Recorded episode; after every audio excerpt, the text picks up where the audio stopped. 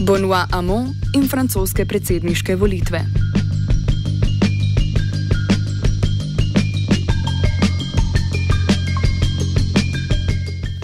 V Franciji je potekal drugi krok primarnih volitev francoskih socialistov za kandidata na aprilskih predsedniških volitvah.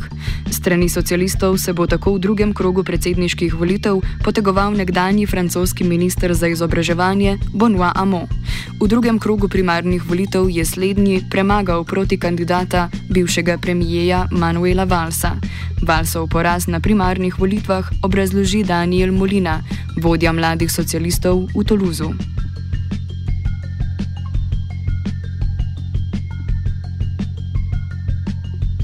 Uh, François Hollande was elected in, in 2012 with a, with a program with uh, several proposals. He has uh, realized many, but uh, on the most most important points, uh, the economy, well, he he didn't have a traditional socialist uh, policy, so that's why people and uh, uh, that's why people weren't weren't happy with it and didn't agree to to give um, uh, them give him a, a second a second uh, uh, five years so five more years. So Manuel Valls who is he who was his prime minister for several years well he, he had this problem. He represented for so long. So I think people wanted to turn the page. Amo, ki predstavlja levo krilo francoskih socialistov, je v procesu kandidature predsedniških volitev dvignil veliko prahu z nekoliko radikalnejšimi političnimi idejami, ki jih namerava upeljati v primeru zmage na volitvah.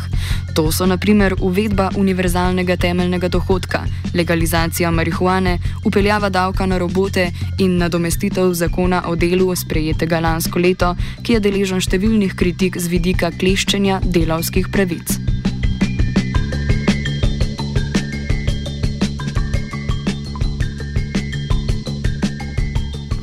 Ključni element za Amonovo združitev socialistične stranke in pridobitev glasov ostale levice je v njegovi napovedani socialni reformi in preoblikovanju zakona o delu. Več o spornih točkah zakona in stališčih, ki ga doslednjega gojijo ostali predsedniški kandidati, pove Zoe Laforge, vodja mladih socialistov v regiji Occitanie. The problem, the big problem of this law is the, this law is only in one way. It's only for the, the big companies and for the employers, not for the little ones, not for the employees. So if you make a move in a way, you have to make a move in another way. It can be only for one part of the of the country. Emmanuel Macron uh, agrees with this law because uh, he supported it during uh, during its, its creation. Uh, on the right wing, uh, they think that it's not enough. they want more changes and more flexibility. And uh, so François Fillon, uh, François Fillon uh, doesn't think it's enough. for Marine Le Pen, more complicated because they they they want uh, she wants a law uh, more protective, but only for the French people and and more or less for the white people. And um, on our left, uh, Jean-Luc Mélenchon would like um, a law uh, which could support more the employees and protect them more. Najbolj občutljiva točka Amonove predvolilne kampanje pa je uvedba univerzalnega temeljnega dohodka v višini 700 evrov za vse odrasle državljane. Več o univerzalnem dohodku pove Molina. Very, it's a very big uh, work to do it, and it will cost, I think, like three, three uh, hundred million uh, euros. So it will, it will be a very, very big uh, uh, proposal. But uh, there's several steps, and the first one is to make that everyone who uh, lives with uh, poor incomes and uh, has difficult difficulties to, to, finish the month, well, will have an extra an extra help. So uh, that's the first uh, the first uh, point, and I think that many socialists can agree at least with that. So uh, it will it won't cost so so much, and it's a way to to put put more money in the economy. There's been tax raises, so uh, that that was is something that's going to stop, and uh, I think people need some extra extra help. So that's the way it, it will work. Predlog uvedbe univerzalnega temeljnega dohodka pa sproža predvsem pomisleke glede možnosti financiranja. Med drugim je zaradi posledičnega večanja davkov Amonov proti kandidatu primarnih volitvah Manuel Valls tega označil za sanjača.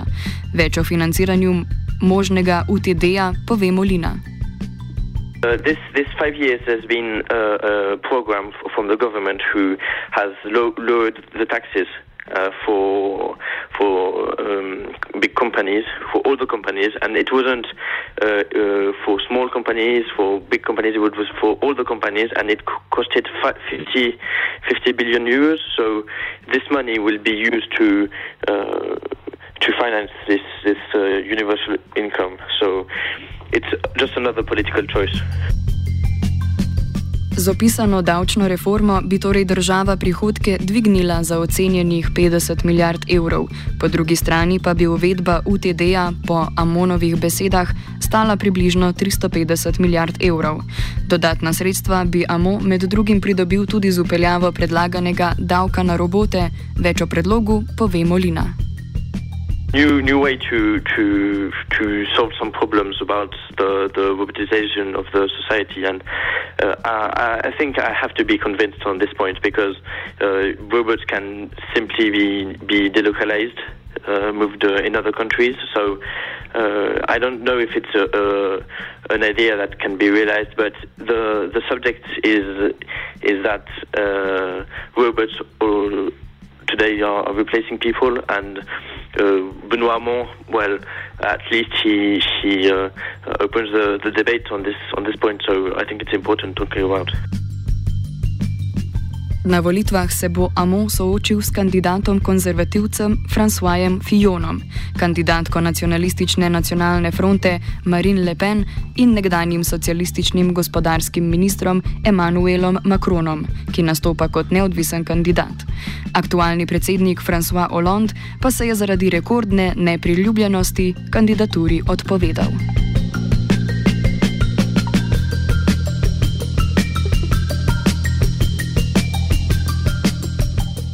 Več o ostalih kandidatih in o poteku francoskih predsedniških volitev pove Contant Subra z École de Journalisme de Toulouse. The landscape policy in France, we, you have uh, Marine Le Pen, which is far right, which is uh, Jean-Marie Le Pen's daughter.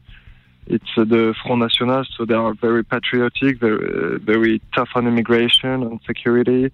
The, the, she wants France to leave uh, the economic union.